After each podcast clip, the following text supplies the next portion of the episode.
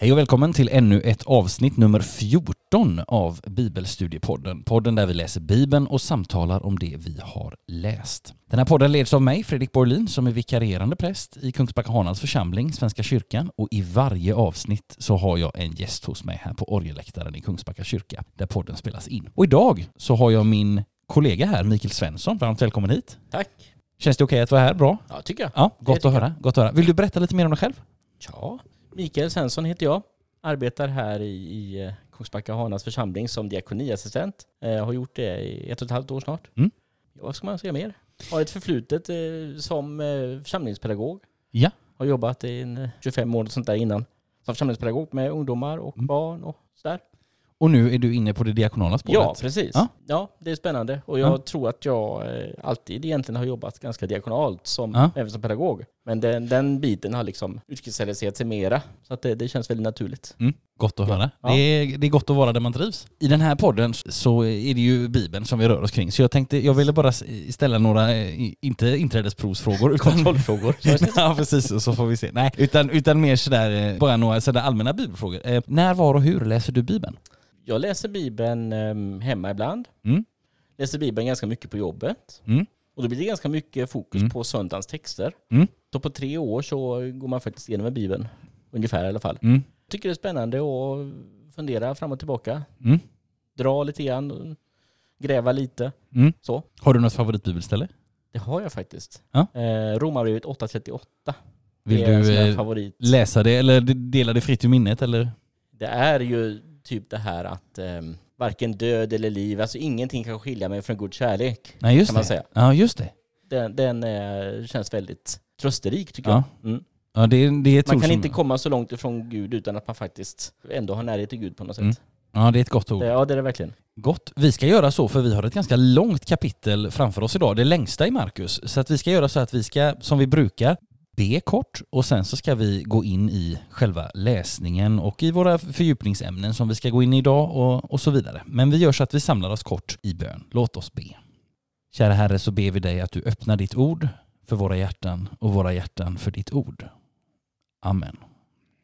Ja, vår vandring genom Markus evangeliet fortsätter och vi har idag kommit fram till det händelserika kapitel 14. Och ända sedan kapitel 11, när Jesus red in i Jerusalem, så har vi läst om sånt som händer Jesu sista vecka i livet. Och här i kapitel 14, som vi nu ska ta oss an, så är det framför allt det som händer på det som vi kristna kallar skärtorsdagen och natten mot det som vi kristna kallar för långfredagen. Det är det som det här kapitlet behandlar.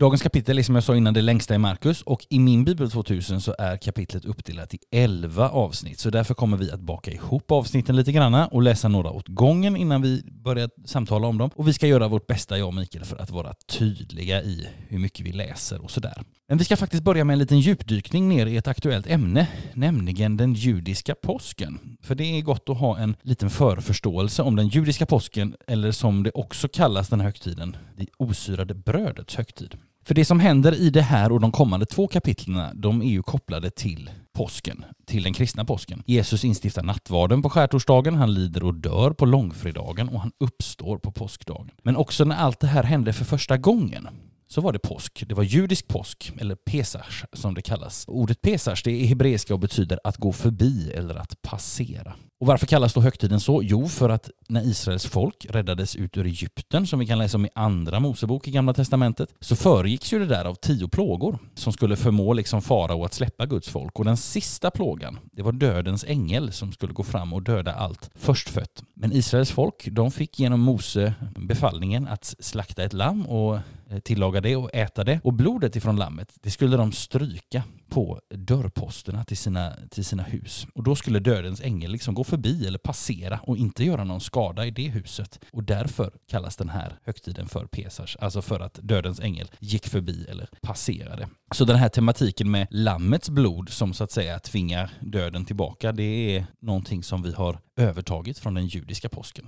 Och den här högtiden, alltså den judiska påsken, den börjar firas den 14 dagen i månaden Nisan, vilket är i närheten av vårdagjämningen, precis som den kristna påsken som också infaller, eller som liksom infaller utifrån när vårdagjämning och fullmånar och sånt där sker. Och egentligen så handlar inte det här om en högtid utan om två som är sammankopplade, nämligen påsken och det osyrade brödets högtid. Först är det påsken som är i två dagar och sen är det det osyrade brödets högtid som är en vecka långt. Och de här, de här hänger så intimt samman med varandra att, att de liksom har kommit att stå för, ja, det har kommit att bli två ord för, för samma sak egentligen. Den 14 Nisan så slaktas påskalammen och den 15 är den stora festdagen. Och vill man läsa mer om Israels högtider så finns det att göra det i tredje Mosebok 23.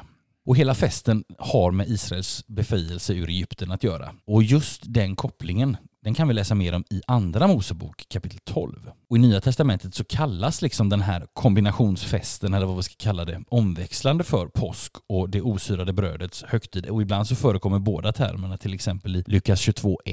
Där det står så här, nu närmade sig det osyrade brödets högtid som kallas påsk. Så av det förstår vi att de här båda högtiderna hänger väldigt, väldigt nära samman med varandra. Och vad innebär då en judisk påsk? Jo, Centralt är den judiska påskmåltiden som kallas för seder. Det, det, finns ett antal symboliska rätter vid den här judiska påskmåltiden och det första det är marza, eller matza, som är ett osyrat bröd som påminner om hur brödet inte hann jäsa när Israels folk eh, skulle fly ur Egypten. Där får de ju faktiskt befallningen att äta just osyrat bröd. Och sen så äter man någonting som kallas för maror, som är bittra grönsaker till exempel rädisor och andra liksom lite så här sträva, bittra grönsaker som påminner om folkets lidande i Egypten. Man har en skål med ättika eller saltvatten som ska påminna om folkets tårar. Så ni märker, det är inte jättepositiv symbolik kring detta. Sen har man någonting som heter charoset, osäker på uttalet, men som är hebreiska för murbruk. Och det är en, en, liksom en röra av riven frukt och nötter och vin som påminner om att folket, och det kan vi också läsa i Andra Mosebok, att folket fick arbeta med att slå tegel. Så skärosätter betyder alltså murbruk. Och sen så ingår fyra bägare vin i den här måltiden som man då delar. Och i judendomen än idag så används den här ordningen för påskmåltiden på påskfestens liksom första kväll. Och det är sannolikt den här måltiden som också Jesus äter med sina lärjungar och som vi kommer få höra om om en liten stund. Och sen så sker det också någonting nytt i den här måltiden som vi läser i Markus 14. För att Jesus tar ju brödet och vinet Eh, i den här, alltså det osyrade brödet och en av vinbägarna och sen så tyder han liksom det på ett nytt sätt. Han tolkar det på ett nytt sätt eller, eller liksom berättar om en ny innebörd i detta. Han säger ju detta, ta och ät, detta är min kropp och drick av den alla, detta är mitt blod. Och där har vi ursprunget till den kristna nattvarden. Men det är lite bakgrund kring den judiska påsken, så vi ska göra så nu att vi ska kasta oss in i kapitlet och läsa. Och vi ska börja med att läsa de tre första avsnitten och det är Mikael som läser. Och som sagt, vi lyssnar till de tre första avsnitten. Planer på att döda Jesus. Det var två dagar kvar till påsken och det osyrade brödets högtid. Översteprästerna och de skriftlärda sökte efter ett sätt att kunna gripa honom med list och döda honom. De sa, inte under själva helgen, för då kan det bli oro bland folket. Kvinnan med balsamflaskan. Medan han var i Betania och låg till bords hemma hos Simon den spetälske kom en kvinna med en flaska dyrbar äkta nardusbalsam. Hon bröt upp flaskan och hällde ut allt sammans över hans huvud. Några blev förargade och sa till varandra Vilket slöseri med balsam! För den oljan hade man ju kunnat få mer än 300 denarer att ge åt de fattiga. Och de grälade på henne. Men Jesus sa Låt henne vara. Varför gör ni henne ledsen? Hon har gjort en god gärning mot mig. De fattiga har ni alltid hos er, och de kan ni göra gott mot när ni vill. Men mig har ni inte alltid. Hon har gjort vad hon kunde. I förväg har hon sörjt för att min kropp blev smord till begravningen.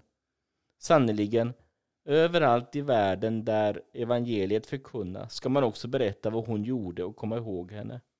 Judas blir förrädare. Men Judas Iskariot, en av de tolv, gick till översteprästerna för att förråda honom.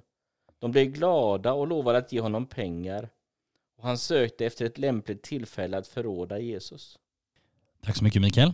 Ja, här finns det några saker som vi behöver, eller som vi kan stanna upp vid, tänker jag. Eh, och det första är det här som översteprästerna och de skriftlärda säger. Eh, vi hör att de gör planer, gör planer på att döda Jesus. Och vi hör i slutet av det här avsnittet som Mikael läste att det också är ytterligare någon som finns med i de här planerna nu, nämligen Judas. Men de skriftlärda och översteprästerna, de säger så här, inte under själva helgen, för då kan det bli oro bland folket.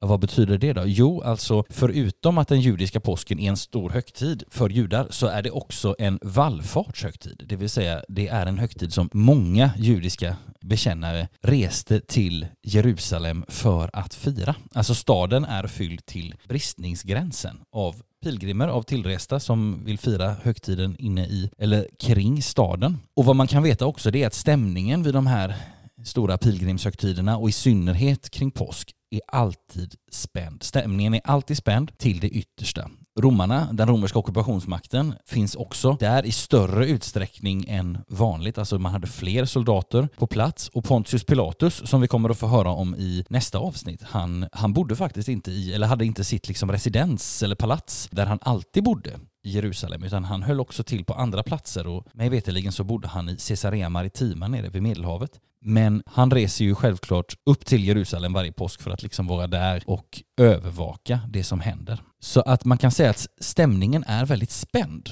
Och det är därför som översteprästerna och de skriftlärda vill göra detta liksom lite i skymundan. För de vet att någon har ridit in på en åsna och med det liksom signalerat att jag är Messias och skulle de försöka gripa honom till exempel på tempelplatsen eller i något av de här pilgrimslägren som fanns utanför staden liksom i olika läger så, så skulle det mycket väl kunna bli den liksom tändande gnistan till ett uppror.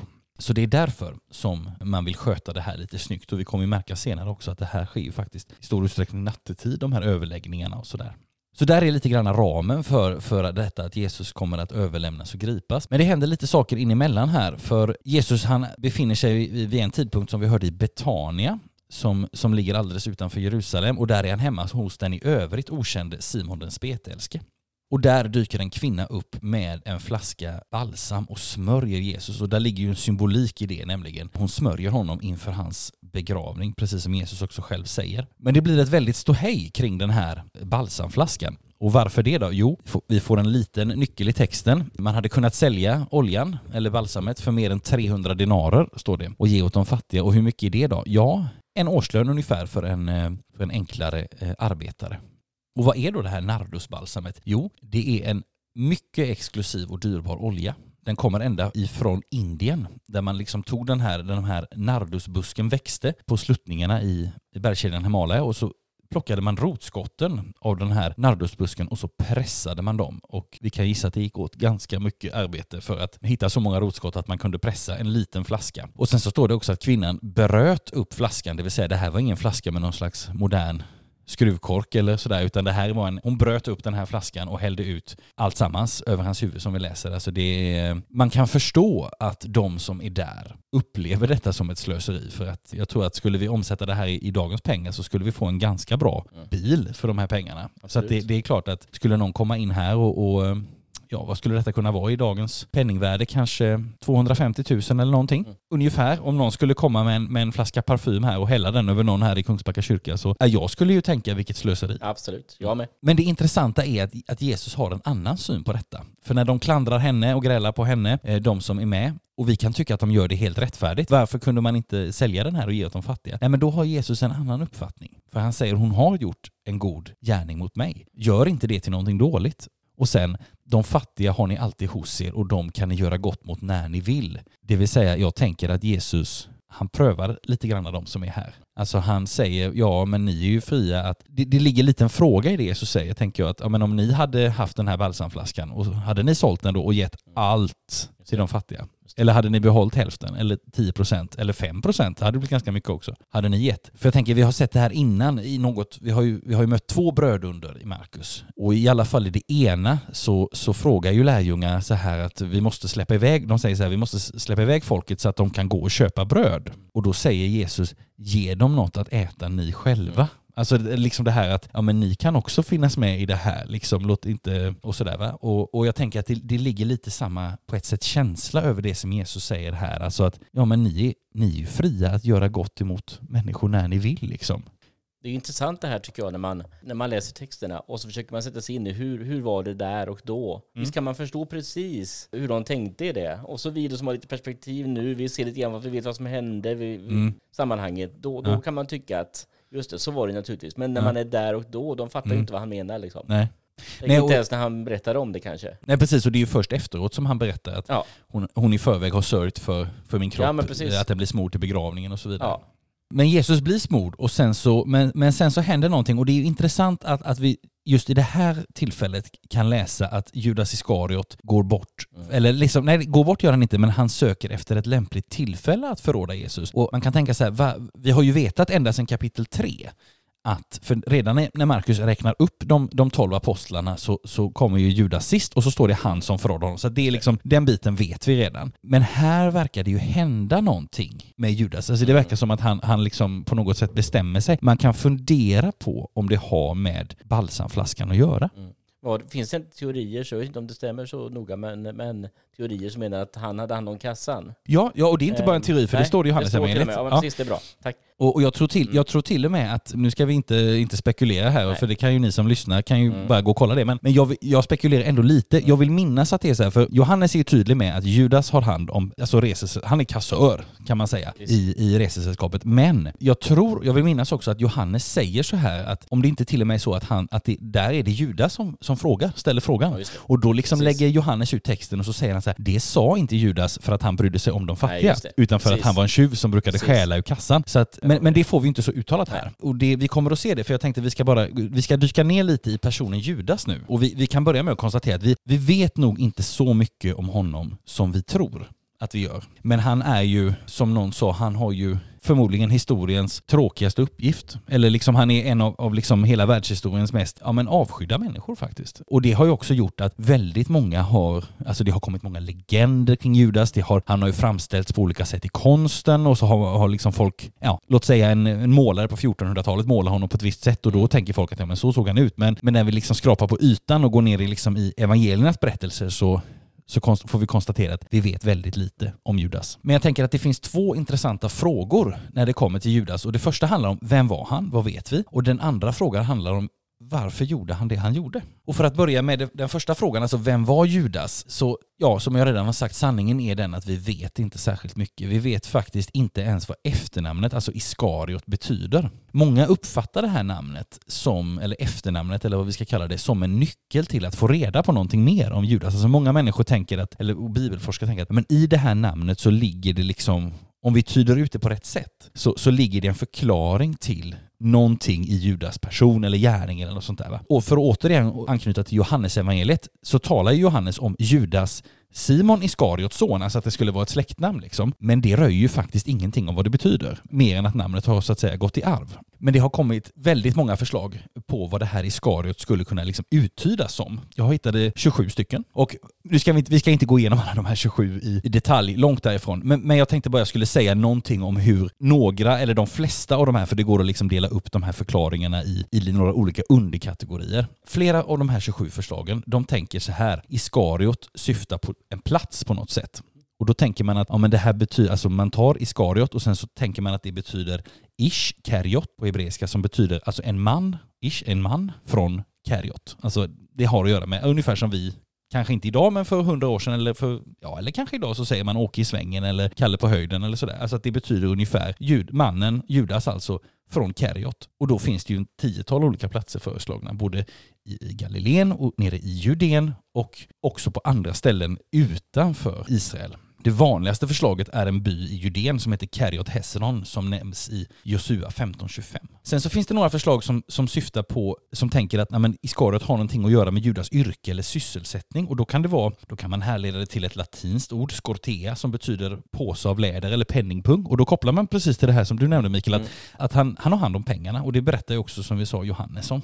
Men man har också uttolkat Iskariot som att det har med någonting med färg att göra eller att han skulle ha jobbat som färgare eller latinets sicarius som betyder lönnmördare. Alltså det finns eh, liksom flera underförklaringar till det här med yrke eller sysselsättning. Och sen så tror vissa att det här handlar om en egenskap och man har uttytt Iskariot som att det kunde ha med lögnaktighet att göra eller att han faktiskt hade en rödblommig hy eller att, eller att han hade någon form av sjukdom. Alltså, så att det finns väldigt många teorier. Man har, och det finns också en uttydning som, som menar att ja, men Iskariot är en konstruktion som betyder den som slår mynt av vänskap. Så man kan säga sammanfattningsvis, många förslag är, föreslagna men det är, det är svårt att välja. Man kan inte säga någonting med, med bestämdhet kring vad det här skulle betyda. Vem är då Judas? Ja, det förblir okänt tyvärr. Och hur ska vi då förstå Judas gärning? Det är ju den andra frågan. Varför gjorde han det han gjorde? Ja, alltså jag tänker att det är ett förräderi som Johannes i sitt evangelium förklarar att det är ytterst den onde som ligger bakom detta. Men samtidigt så är ju det som Judas gör någonting nödvändigt. Alltså han är ju ändå en nödvändig bricka i, i, den, i det här skeendet, mm. att, att Jesus ska överlämnas. Liksom.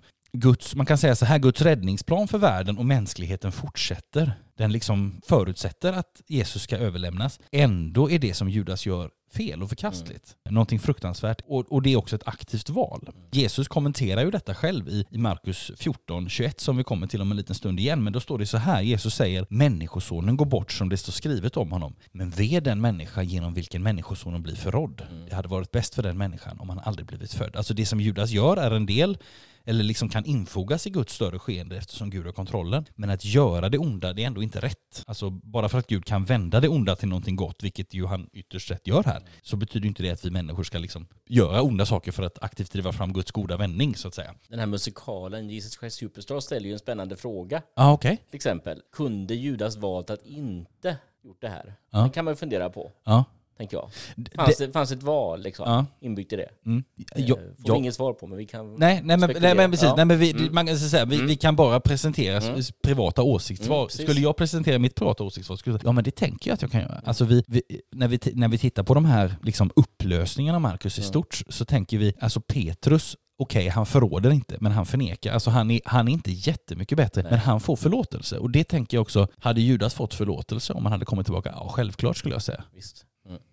Vi ska göra så att vi ska gå vidare och vi ska läsa ytterligare tre avsnitt. Och de här tre avsnitten som Mikael ska läsa för oss nu, de, de heter i min översättning i Bibel 2000 så heter de Påskmåltiden förbereds, Jesus utpekar förrädaren och Den sista måltiden. Påskmåltiden förbereds. Första dagen av det osyrade brödets högtid, när påsklammen slaktades, frågade lärjungarna, vart vill du att vi ska gå för att ordna påskmåltiden åt dig? Då skickade han iväg två av dem och sa åt dem, gå in i staden. Där möter ni en man som bär på en vattenkruka. Följ efter honom, och där han går in ska ni säga till den som äger huset. Mästaren frågar, var är salen där jag kan äta påskmåltiden med mina lärjungar? Då visar han er till ett stort rum i övervåningen som redan står färdigt. Där ska ni ordna för oss. Lärjungarna gav sig iväg och när de kom in i staden fann de att allt var som han hade sagt, och de ordnade för påskmåltiden. Jesus utpekar förrädaren. På kvällen kom han dit med de tolv. Medan de låg till bords och åt sa Jesus, sannerligen en av er kommer att förråda mig, han som äter med mig. Då blev de bedrövade och frågade honom den ene efter den andra. Det är väl inte jag? Han svarade, det är en av de tolv, han som doppar i skålen tillsammans med mig. Människosonen går bort, som det står skrivet om honom. Men ve den människa genom vilken Människosonen blir förrådd. Det hade varit bäst för den människan om hon aldrig hade blivit född. Den sista måltiden. Medan de åt tog han ett bröd, läste tackbönen, bröt det och gav åt dem och sa Ta detta, det är min kropp. Och han tog en bägare, tackade Gud och gav åt dem, och de drack alla ur den. Han sa, detta är mitt blod, förbundsblodet som blir utgjutet för många. Sannerligen aldrig mer ska jag dricka av det vinstocken ger, förrän den dagen då jag dricker det nya vinet i Guds rike. Tack så mycket Mikael. Ja, vi, ska, vi ska kommentera några saker eh, också ifrån de här eh, avsnitten som Mikael läste. Och vi kan börja med att, att konstatera att i den första versen där i, i vers 12 så, så när, där skriver ju Markus att första dagen av det osyrade brödets högtid när påsklammen slaktades och om du minns från introduktionen till påsken så stämmer inte det riktigt. Alltså påskalammen eh, slaktades ju den 14 och, och sen eh, inleddes eh, det osyrade brödets högtid först igen. Så här märker vi att liksom, de här båda högtiderna smälter verkligen mm. samman. Och sen har också detta att göra med att man kan räkna på lite olika sätt. Alltså vi, för oss i alla fall som bor i Sverige idag så är, det ju, är vi ovana vid att tänka att dagen börjar klockan 18 mm. på kvällen. Och det, och det var inte självklart för, för liksom, det var ju självklart för judarna, men det var inte självklart för alla liksom medelhavsfolk. Sådär. Så att när Markus skriver detta så skriver han förmodligen inte för judiska läsare utan han skriver för några andra, för, för liksom församlingen i Rom eller för greker eller sådär. Så det beror också lite på hur man, hur man räknar och var man tänker att, att liksom dagen börjar och var dygnet slutar. Liksom. Men, och vi förstår som sagt att påsken och påskalammens slakt och det osyrade brödets högtid, de hänger väldigt nära samman. Och vi får följa de här förberedelserna som Jesus på något sätt verkar ha gjort i ordning innan. Det, det finns andra personer och det är lite intressant det här att vi är så vana att läsa om Jesus och lärjungarna men sen så kommer hela tiden de här okända personerna, alltså det är Simon den spetälske som vi hörde om innan, där med kvinnan med balsamflaskan. Och sen så är det här en person som inte ens nämns vid namn utan det bara är en person som har ställt i ordning någonting. Alltså att det finns hela tiden den här yttre kretsen som Markus inte berättar så mycket om. I alla fall inte i nuläget. Och det är lite intressant. Alltså det sätter också igång vår, vår fantasi. Liksom, vem var den här mannen? Mm. Ja, vi vet ju ingenting. Och likadant blir det i nästa och i, i nästa kapitel också. Alltså Simon från Kyrene som bär, som bär Jesu kors. Vi vet ingenting mer om honom. Eller? Jag tänker också den här mannen som, som eh, när Jesus ska rida in i Jerusalem. Ja. Han säger till lärjungarna, gå in och hämta en åsna. Ja, just det. Där inne. Precis. Ja. Om någon frågar ja varför så säger bara att mästaren behöver den så får ni ta den. Alltså ja, liksom, det. ja, de måste ju ha varit... Ja, det måste ju någonstans ja. varit förberett, eller också så var det liksom någon sorts ledning. Men ja, ja. ja men det, det, det är intressant. Ja men det är intressant, alltså mm. alltså att vi, vi behöver alltid, jag tänker vi behöver liksom, vi är så vana att läsa om Jesus mm. och lärjungarna och vi behöver liksom vi behöver se att det fanns många, många ja. människor runt omkring och vissa av dem träder ju väldigt tydligt fram. Kvinnorna mm. vid graven i kapitel 16. Mm. Och där får vi liksom en, åt, en påminnelse av Markus att ja, men de här hade ju följt Jesus mm. och så vidare. Men, men det har vi inte hört så mycket om innan. Så det, det, ja, det är intressant. Och sen så, dagen blir till kväll och de eh, samlas, Jesus och de tolv, för att äta. Och det är lite intressant för de, de, sitter, de ligger där runt bordet som man gjorde vid eh, högtidliga tillfällen. Då, då åt man liksom på grekiskt vis, att man låg på någon slags soffor eller divaner och så stödde man sig på ena armen och åt med den andra. Och Jesus berättar att en av er kommer att förråda mig, han som äter med mig.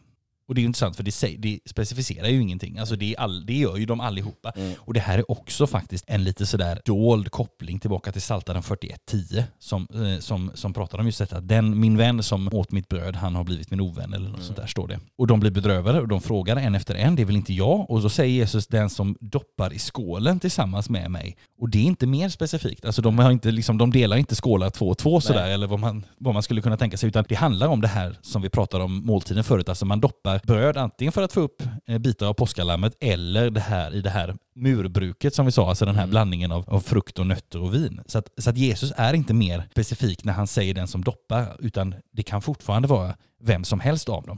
Jag får ju någon sån där bild av en, en, eh, lite disträ Judas som lite grann nästan av misstag ja. råkar doppa i, eller liksom, ja. den bilden får jag framför mig. Det är inte säkert att det var så, men, nej, men nej, nej, den nej, känslan liksom. Nej men, och jag tänker, den bilden har jag också ja. fått många gånger att, att tänka att, nej men, aha, okej, då är det någon som doppar mm. precis nu. Ja, precis. Men, men jag, jag tror inte det. Nej. För att då, då tänker jag att då hade de andra gjort någonting för att stoppa honom. Ja, precis. Alltså, alltså det. Eh, det. faktum att, att allting bara tycks pågå, liksom som om ingenting har hänt ändå. Nej. Alltså måltiden fortsätter och, och, och, och sådär. Alltså i ett semane, eh, lite senare, då, då, liksom, då blir det ju en väldig uppståndelse. Mm vid själva överlämnandet. Men, mm. men här, här är det liksom ingen riktigt som... Jo, alla undrar, är det jag? Är det jag? Mm, men jag, jag, tror inte att de vet på det här stadiet vem, vem det är. Så tänker jag i alla fall. Ja, visst. Och sen så får vi den här nyckelversen som jag läste förut och som du också hörde Mikael läsa, så det här människosonen går bort och så vidare. Alltså, där vi ser att det är på något sätt en blandning att Guds plan fortsätter, men Judas verkar ändå ha ett aktivt val i detta.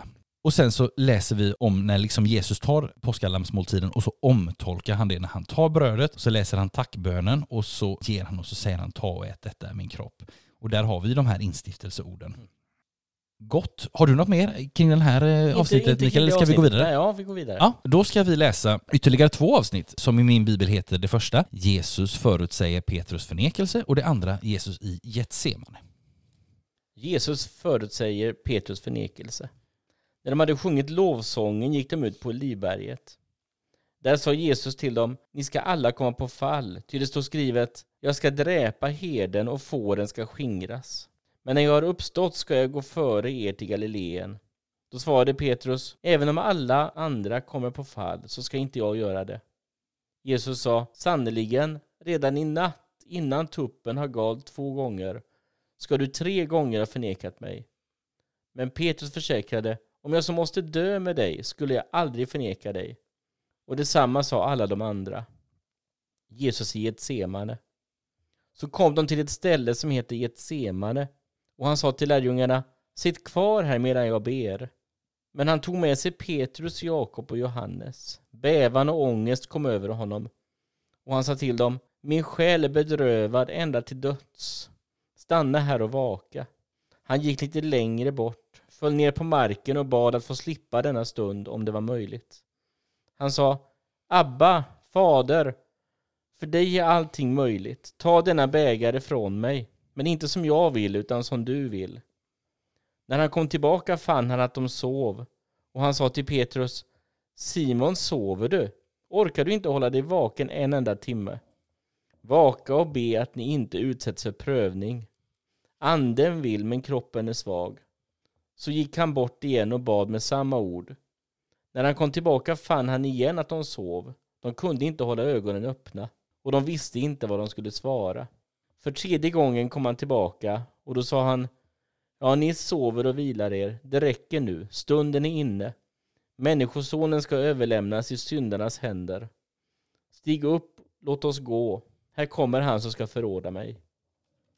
Tack så mycket. Ja, några anmärkningar också kring de här styckena. Vi ska börja med att, titta oss lite bakåt i Bibeln. Alltså vi, vi får ett par exempel i, den, i de här två avsnitten som Mikael läste på Jesu böneliv. Vi fick det faktiskt redan i förra avsnittet, i vers 22, där det står att Jesus läste tackbönen och det har vi faktiskt varit inne på i ett, i tidigare avsnitt här i podden, vad, vad det innefattar och sådär. Och sen så står det att de hade sjungit lovsången. När de hade sjungit lovsången gick de ut till Olivberget. Vad är då det? Jo, det, är, det var att man, man sjöng eh, salta psalmerna 115 till och med 118. Och det var liksom sättet att avsluta varje judisk påskmåltid. Och sen så får vi höra, och det ska vi återkomma till om en liten stund, det här att Jesus också ber i Getsemane och, och den bönen där. Men sen så finns det några andra kopplingar också. Det är, det är det här som Jesus säger, att jag ska dräpa herden och fåren ska skingras. Det är en en koppling tillbaka till Sakarja 13, vers 7. Men det som är riktigt intressant här tycker jag, det är ju den här historien som vi nu lite får del 1 av, nämligen det här Jesus säger sannerligen, redan i natt, redan innan tuppen har galt två gånger, ska du tre gånger ha förnekat mig. Och jag tänker det är ju häftigt att det här kommer med. Alltså för Petrus, han var ju en, det vet vi ju senare i den första liksom urförsamlingen, han var ju en centralfigur och han kände Markus. Men den här, den här berättelsen om, om Petrus ne, stora nederlag har inte försvunnit. Nej. Alltså nu talar jag bara om mig själv här, men jag är inte helt säker på om jag hade varit Petrus att jag inte hade sagt till Markus, du den här berättelsen är jag förnekar, kan inte du liksom strunta i den? Den, är inte, den visar ju inte mig från min bästa sida. Och jag tänker att vi förstår att det här är någonting viktigt och någonting grundläggande, nämligen att allt beror på nåd. Mm. När, vi, när, vi liksom, när det står att till och med de första apostlarna, eller liksom, till och med liksom den första kyrkans absoluta kärna, när vi kan läsa om deras ganska djupa misstag och svek. Och det, det, det, får vi ändå läsa om och jag tänker att det blir tydligt där att allting beror verkligen på nåd. Att vara kristen är inte någonting man förtjänar. Det är liksom inte åh, mina moraliska segrar och, och min, min allmänna förträfflighet utan det består i att det är någon annan som har gjort någonting. Det vill säga det är Jesus som har gjort någonting. Och vi läser sen, inte i Markus evangeliet men i slutet på Johannes, det här mötet när Petrus får sin upprättelse.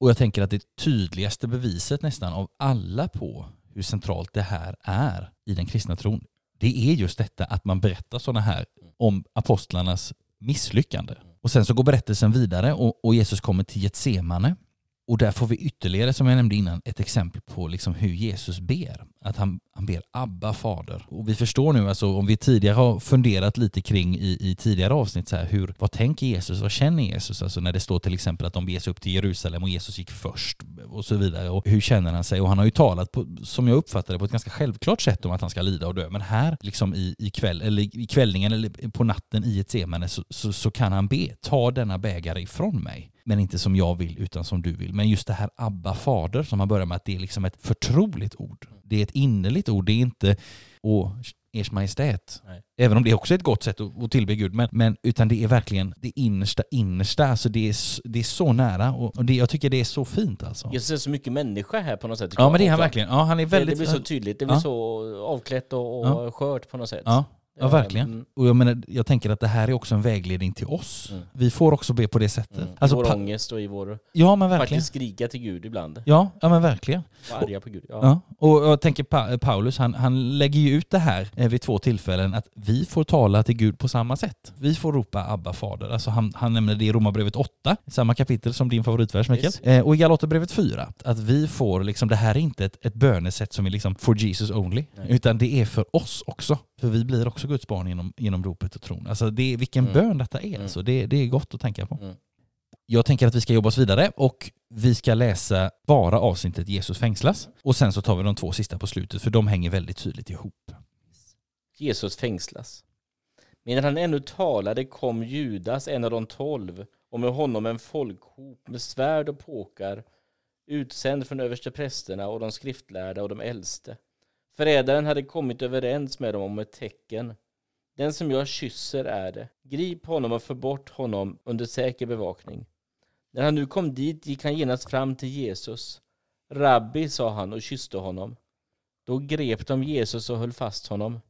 Men en av dem som stod där drog sitt svärd, slog mot översteprästens tjänare och högg av honom örat.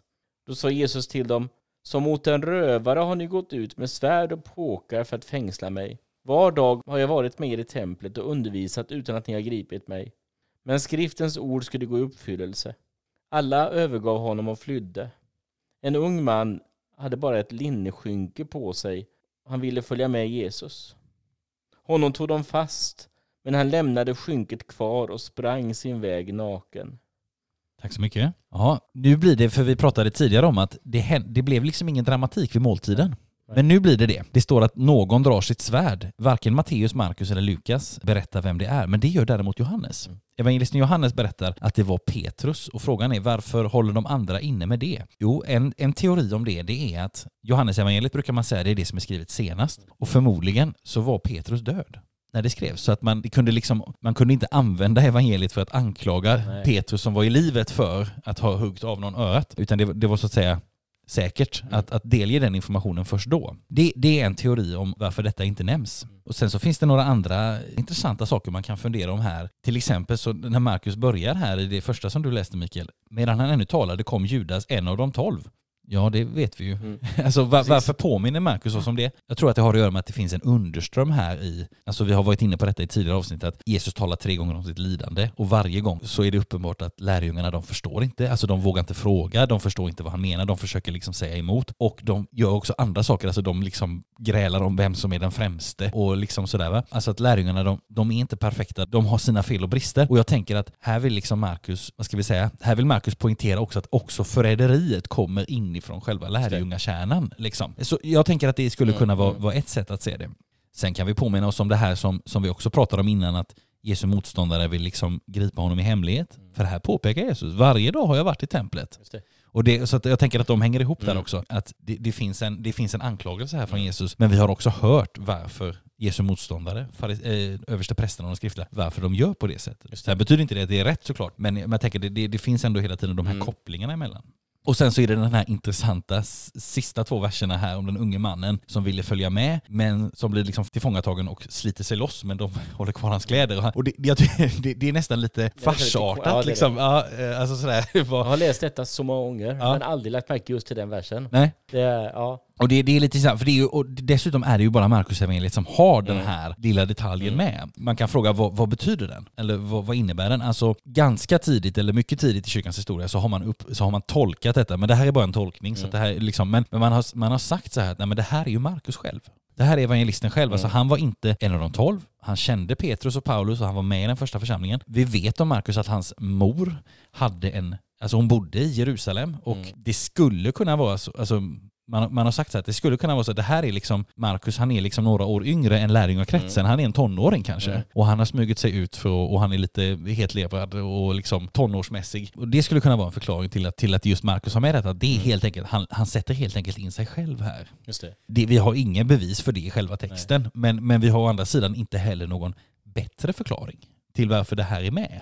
Man får onekligen, roliga bilder i alla fall. Ja men ja. precis, alltså man tänker att här har vi liksom, här läser vi i, i det som som vi tänk, kristna tänker är liksom hela världshistoriens mm. mest avgörande dygn. Och vi, jag menar om Markus evangeliet tidigare har varit så här att alla kom från alla håll och mm. Jesus han reste genom, alltså det är väldigt breda penseldrag. Mm. Och så märker vi i de här sista kapitlen att allting blir väldigt kondenserat. Eller äh, det, liksom, det blir mycket mer detaljer. Vi, vi hör om saker, Jesus gör flera saker samma dag och, och så på natten och så nästa dag. Och mitt i detta som är så avgörande så kommer det en naken man det, det, är väldigt, det, det, som du säger, det, det är mm. väldigt, alltså det är lite, ja, det, är märkligt liksom. Alltså det, är roliga bilder verkligen man får. Ja, det är det. Så det, ja, nej, det, är, det är intressant. Men som sagt, den, den, um, den mest spridda förklaringen till den här i alla fall, även om det inte kan vara mer än en, en, en tänkbar förklaring, det är att det det är helt enkelt Markus själv här.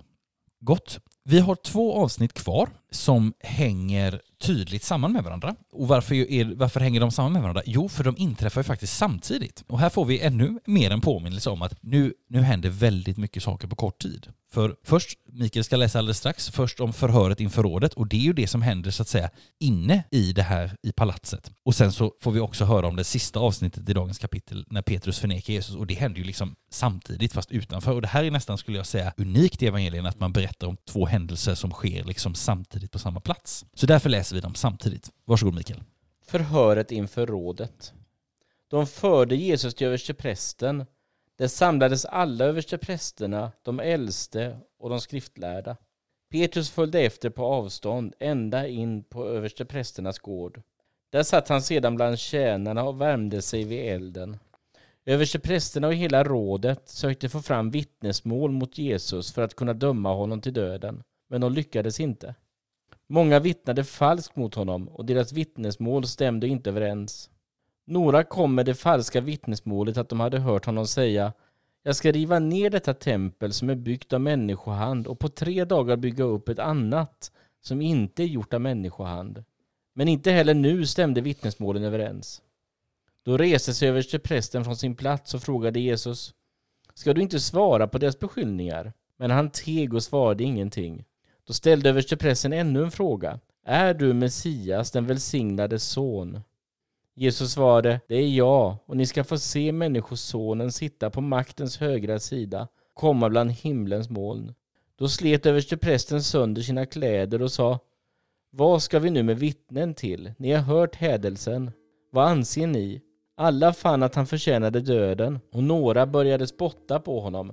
De band för ögonen på honom och slog honom och sa, visa att du är profet. Och vakterna gav honom örfilar. Petrus förnekar Jesus. Petrus var nere på gården. Då kom en av översteprästernas tjänsteflickor och när hon fick syn på honom där han satt och värmde sig såg hon på honom och sa Du var också med Jesus, han från Nasaret. Men Petrus förnekar detta. Jag förstår inte alls vad du menar. Och han gick upp på den yttre gården. När flickan fick se honom där sa hon återigen till de som stod i närheten Han är en av dem. Petrus förnekade på nytt.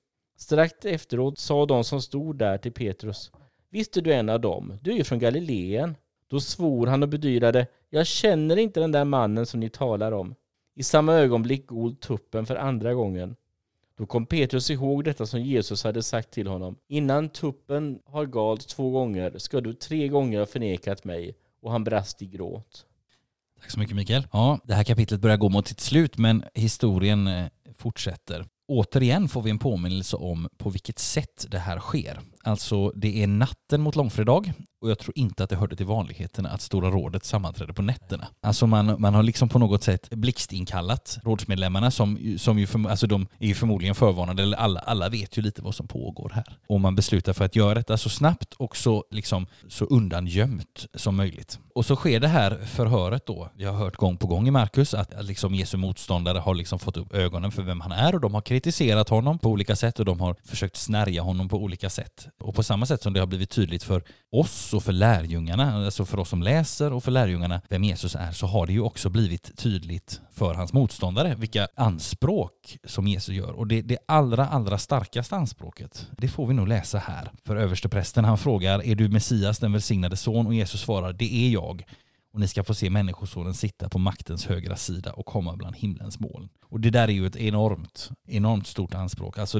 det här att Jesus säger det är jag det, kan vi också, det, det, skulle vi också mycket väl kunna översätta som jag är, alltså det här gudsnamnet som, som Mose får av Gud i den brinnande busken i Andra Mosebok 3.14. Så att den döljer sig där under och den är inte på något sätt fördold tror jag för de som Nej. lyssnar utan Nej. de hör ju direkt det. Och sen så pratar ju, och sen så talar Jesus om sig själv återigen som människosonen, det har vi hört innan. Och med de här orden så identifierar sig Jesus liksom som den jordiska människosonen men också då på samma gång med den himmelska messiasgestalten. Vi kan titta i Daniel 7 och vi kan titta i Psaltaren 110 så får vi lite mer kött på de benen där. Men det, vi, vi lämnar de bibelorden därhen just nu men du kan gärna läsa dem själv. Och sen är det lite intressant, det står så att överste prästen han slet sönder sina kläder och det förstår vi, det det är ingenting man gör när man är i så att säga total balans som människa. Nej. Utan det här, är, det här är ett uttryck för sorg och fasa. Det förekommer på andra ställen i Bibeln. I till exempel när Josef blir såld som slav till Egypten där och så eh, i en episod så är hans bror Ruben, han sliter sina kläder i sorg och fasa i första Mosebok 37 till exempel. Men det som är intressant är att översteprästen faktiskt gör någonting förbjudet här. För i tredje Mosebok så kan vi läsa om att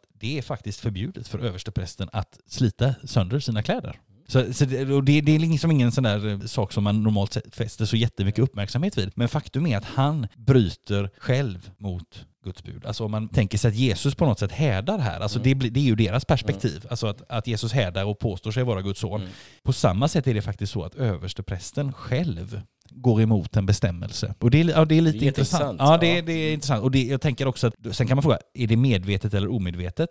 Jag tänker att det här måste vara, det är säkert medvetet från översteprästens sida, men jag tänker att det är en, en enorm känsloyttring. Mm, det. Och det vittnar om stämningen i rummet så att säga. Har man någon gång i sitt liv deltagit i ett krismöte där det har varit stäm, stämningen har suttit utanpå så är det nog ingenting mot hur det var i det rummet vid den här tidpunkten. När liksom hela, det är en avgörande händelse liksom Mm. som, som utspelar sig mer och mer.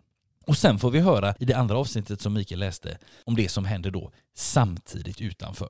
När liksom del två av den här saken som Jesus redan har pratat om, när den liksom också då, eller det som han har, Jesus har förvarnat Petrus om, när det också då faller in.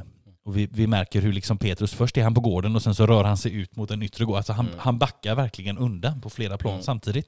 Och här går liksom den här, det här som Jesus har sagt i uppfyllelse. Och, här får vi återigen den här påminnelsen om att här ser vi någonting alldeles unikt. Alltså grunden för, återigen, grunden för kristen tro är inte mänsklig heroism eller eventuella moraliska segrar, utan det som Jesus gjorde. Och det jag tycker att det är, kan man gott ägna en stund åt att Mm. fundera över faktiskt, för att det är, det är ändå starkt att, att det är inga hjältar här. Alltså det är Jesus, han är den ensamma hjälten. Han omgav sig med ganska mänskliga människor på något sätt, eller mänskliga personer. Verkligen. Och det står till och med att Petrus brast i gråt. Och där, intressant nog, vi har gått mot, liksom mot vårt slut i, i kapitlet, men här liksom förändras ju också perspektiven. Alltså nu, nu är faktiskt alla lärjungarna, nu liksom fejdar de ut för ett tag. Och vi kommer märka i, i nästa kapitel, för nu är det ju Jesus ensam här, och så kommer vi märka att det är andra personer. Vi ska inte föregå det som händer i nästa kapitel, men där kommer vi märka att andra personer träder in liksom, på olika sätt. Har du något mer du vill eh, delge kring, kring eh, de här avsnitten eller kring Nej, kapitlet? men nu, nu tror jag att vi får läsa de här texterna med lite andra ögon. Ja, och jag, vi hoppas att vi som eh, sitter här på läktaren hoppas att ni har, ni har kunnat få med er någonting också, ni som lyssnar. Så att vi gör så att vi knyter ihop påsen här och rundar av. Vi önskar er som lyssnar allt gott och Guds välsignelse. Hej då!